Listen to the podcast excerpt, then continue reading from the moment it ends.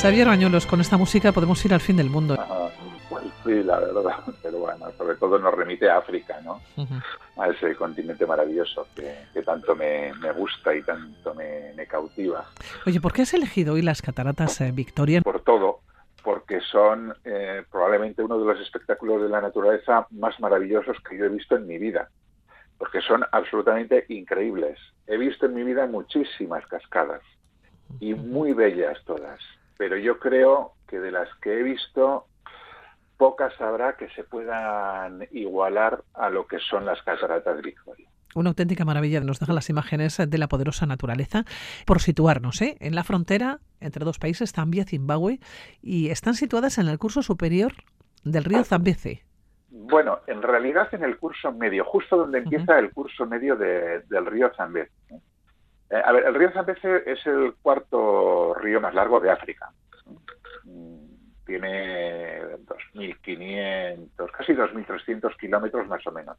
Y la verdad es que tiene un recorrido curioso, ¿eh? porque nace en el norte de Zambia, se contorsiona para hacer frontera unos kilómetros con la República Democrática del Congo, pasa por Angola, en la zona de Cozombo, pero solo para saludar, porque realmente eh, hay poquita zona de, Angola en la, que atraviesa, y se vuelve a meter de nuevo en Zambia hacia el sur, pero gira hacia el este en un arco muy grande, eh, lamiendo las fronteras con Namibia y Botswana, recorre la frontera entre Zambia y Zimbabue durante muchos kilómetros y se mete en Mozambique en su tramo final para desembocar en el, en el Índico. Bueno, pues las cataratas están justo donde empieza a ser frontera entre Zambia y Zimbabue, que es donde empieza el curso, el curso medio del río, digamos que entre dos ciudades fronterizas, Livingston, que, está en Zambia, y Victoria Falls, Big Falls para los amigos, que está ya en, en Zimbabue.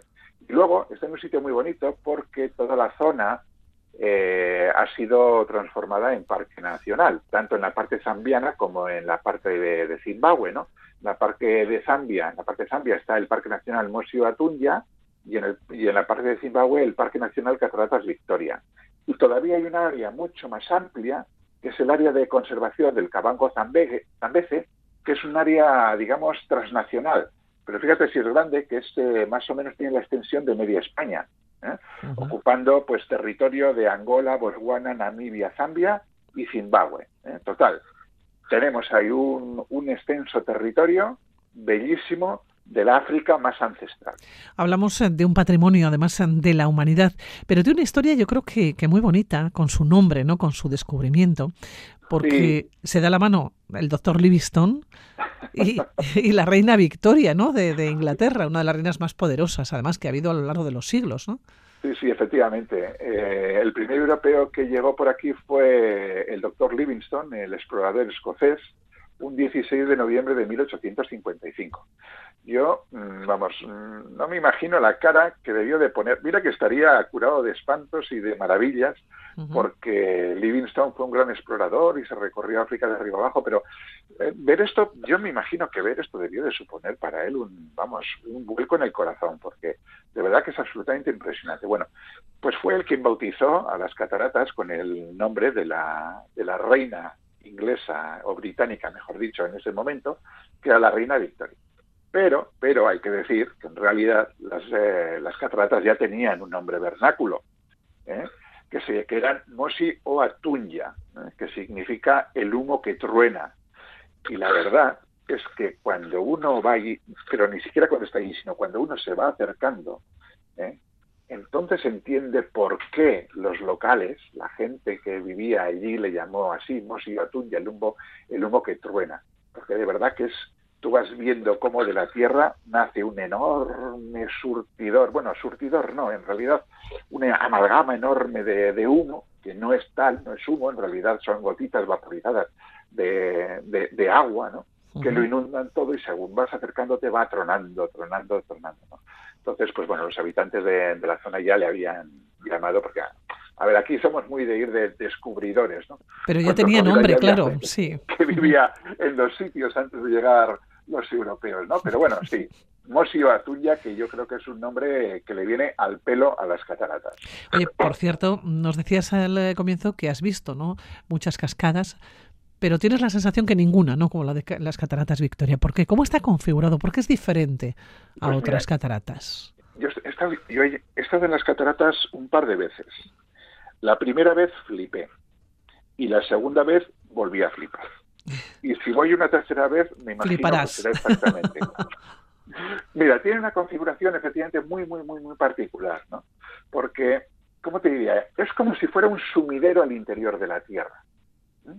A ver, tú imagínate, es una, una meseta enorme, una meseta de basalto, que fíjate que, que el basalto es duro, o sea, lo que ha tenido que romper ahí el agua para, para digamos, fracturar esa, esa roca, ¿eh? esa roca volcánica de color negro, que es, eh, como digo, una de las más duras. ¿no? Bueno, pues eh, eh, a lo largo de esa meseta se va anchando el río y de repente, flash, desaparece, literal, tal cual, en un corte de cuchillo, pero de es como si hubieran pasado una navaja, la hubieran metido en la tierra y ras, hubieran hecho una, una herida horizontal, con una caída a plomo, que es una auténtica salvajada. En realidad las cataratas son una única caída, ¿eh? una única caída que tiene un frente de nada menos 1.700 metros, es decir, casi dos kilómetros lineales de cascada, de catarata, de caída, ¿eh? a una altura que varía, dependiendo de, de en qué parte de la meseta estemos situando, entre 60 y 120 metros. Bueno, pues caen en este corte que es muy estrechito, muy estrechito, es como si fuera un, un embudo súper estrecho eh, que tiene una salida de apenas 100 metros. O sea, imagínate que casi dos kilómetros de agua volcándose sobre el lecho del río a 120 metros más abajo y saliendo por una estrechez de unos 100, me- 100 metros más. Qué maravilla, menos, ¿no? sí. Claro, y, y eso va formando un cañón eh, muy, muy retorcido, muy serpenteante, eh, con varias gargantas sucesivas, que es una auténtica belleza, no es un espectáculo. Y aunque la cascada hemos dicho que tiene que es una única caída lineal ¿no? de estos dos kilómetros, en realidad se pueden ver cin- como cinco grupos de cascadas que varían pues según el caudal, ¿no? Es decir, porque no en todas partes del río el caudal es el mismo. Entonces, pues tenemos la catarata del Diablo, las cataratas mayores, las cataratas de Herradura, las cataratas del Arco Iris y las cataratas de- del Este. Bueno, pues todo esto forma un espectáculo absolutamente grandioso. Oye, ¿desde dónde, ¿desde dónde se ven? Y tú me decías que habías estado en ellas en dos ocasiones, ¿no? Eh, ¿Cómo fueron esos viajes y cuando llegas allá, eh, claro, mm, evidentemente no te puedes meter en la catarata, pero ¿desde dónde, la- de- desde dónde ves?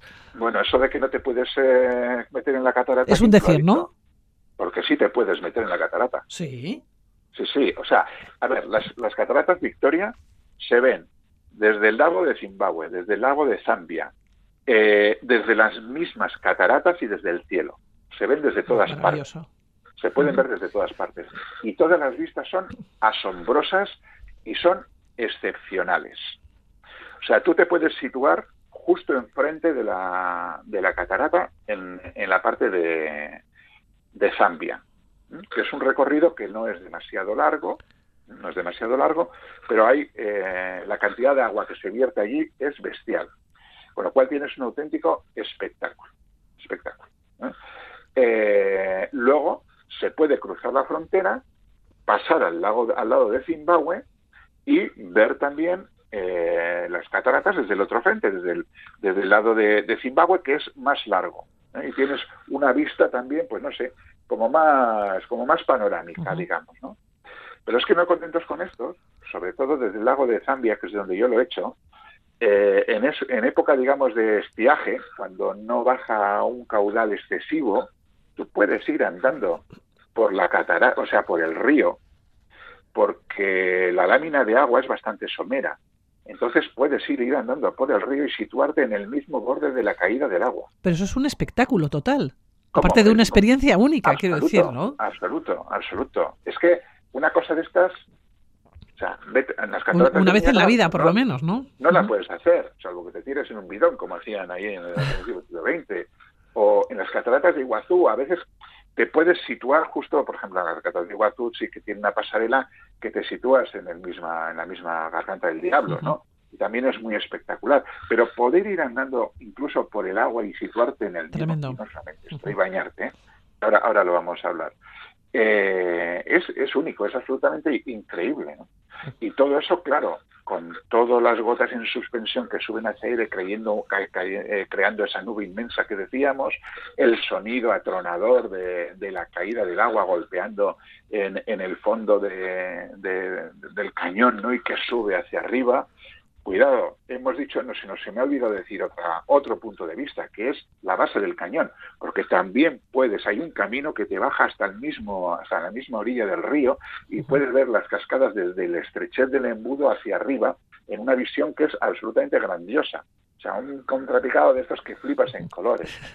Entonces, bueno, eh, vamos, y luego te puedes montar en helicóptero. Bueno, ahí, ya me has dejado mm, impresionada, porque montar en helicóptero se pueden imaginar nuestros oyentes, o quizás desde la cierta lejanía, no se pueden ver, pero ya que puedas ir por el mismo río andando, probablemente será una de las experiencias únicas ¿no? en la que nos podemos, eh, nos podemos encontrar. Hay una charca, bueno, no es una, bueno, una charca, por decirlo de alguna manera, una, una piscinita natural que le llaman la piscina del diablo que es la poza natural más vertiginosa del planeta, porque está, eh, Pilar, justo en el mismo borde donde el agua cae hacia abajo. Bueno, pues eh, si el río lleva una cantidad moderada de agua o de moderada a baja, cuando tú vas andando por el, por el río, llegas allí, agarras, te tiras y de chombo a la piscina y te puedes poner así y ver los 120 metros que tienes debajo con el agua cayendo. Increíble, ¿no? Una Increíble. Bueno, una vez ya que estamos allá, o que hemos ido a las eh, cataratas de Victoria, claro, igual tenemos que hacer, o queremos hacer, no algo de turismo en principio, o visita por las ciudades eh, cercanas. ¿Cuáles nos recomiendas? A ver, mira, por ahí se pueden hacer muchas, eh, muchas actividades incluso algunos fenómenos naturales. Por ejemplo, hombre, una de las cosas más bonitas que hay para ver en las, en las cataratas son la cantidad, la conjunción de arcoíris diversos que se ven. Yo he visto arcoíris dobles, arcoíris triples, arcoíris circulares, arcoíris de todo tipo. Incluso si tienes luna llena, puedes ir de noche y ver el arcoíris lunar, que ya es para, vamos, para derretirse. Para quedarte allá. Y luego está el puente de hierro, que es el puente, es el puente fronterizo que cruza de, un país al otro, de Zambia a Zimbabue. Y ya solamente el, puente es espectacular. Es una construcción de hierro de 1905 con un arco parabólico de 155 metros, 198 metros de largo, de largo y una altura de 100 metros. Bueno, pues ¿para qué te quiero altura? Es uno de los sitios más famosos del mundo para hacer bungee jumping, o sea, lo que aquí llamamos puenting. Pues imagínate lo que es tirarte, yo no lo he hecho, ¿eh? pero estoy pendiente de hacerlo. No me lo puedo creer. De tirarte desde allí, abajo. Ahí, no me vas a pillar a mí, ¿eh? ¿Eh? bueno, pues, no, lo voy a hacer. Yo todavía no lo he probado, pero supongo que alguna vez lo probaré. Luego, claro, también Ahí se crean rápidos, con lo cual se puede hacer rafting. Por supuesto, como he dicho antes, sobrevolar en helicóptero, que es la verdad es que es una, es una preciosidad. Y haces unas fotografías flipantes. Y luego, pues no sé, eso de ver a los elefantes ver cruzando el Zambeze cuando tú estás sobrevolando, la verdad es que una auténtica, una auténtica pasada. Tenemos las dos ciudades, Victoria Falls, que está en, en Zimbabue, que lo que haces es, pues hombre, no tiene mucho que ver, pero bueno, te vas al Hotel Victoria Falls, que es un hotel de principios del siglo XX, a tomarte un cafecito mientras ves ahí tronar las cataratas y ver cómo, cómo humean. ¿no? Y luego está Livingstone, en el lado de, Zimbabue, donde yo sí recomendaría ir a ver el Museo Livingstone, ¿eh? donde bueno te pone un poquito en, contexto. Y bueno, pues eh, yo Maravillosa, que sí. sí, sí, vamos, te puedes pasar tranquilamente el tiempo que quieras. Yo recomendaría ir eh, a comienzos de la estación seca. Mira, si hay mucha agua, hay un problema y es que está tal cantidad de las gotas en suspensión que hay que puedes no llegar a ver el frente aunque lo tengas nada ahí a, muy poquito y si vas en plena estación seca el problema es que hay muy poquita agua con lo cual pues las cataratas pierden digamos toda su grandiosidad ¿de qué mes estamos hablando? en un término intermedio estamos hablando de mayo junio julio ¿eh? más o menos vas en esos, en esos meses y seguramente vas a encontrar el agua eh, la cantidad de agua justa para verlo todo, para ver una buena caída de agua sin que molesten demasiado, digamos, la vaporización que, se produce cuando, cuando cae algo. Pues Javier Bañuelos, nos has puesto los dientes muy pero que muy largos con las cataratas Victoria. Nos despedimos hasta otro día. Cuídate. Venga.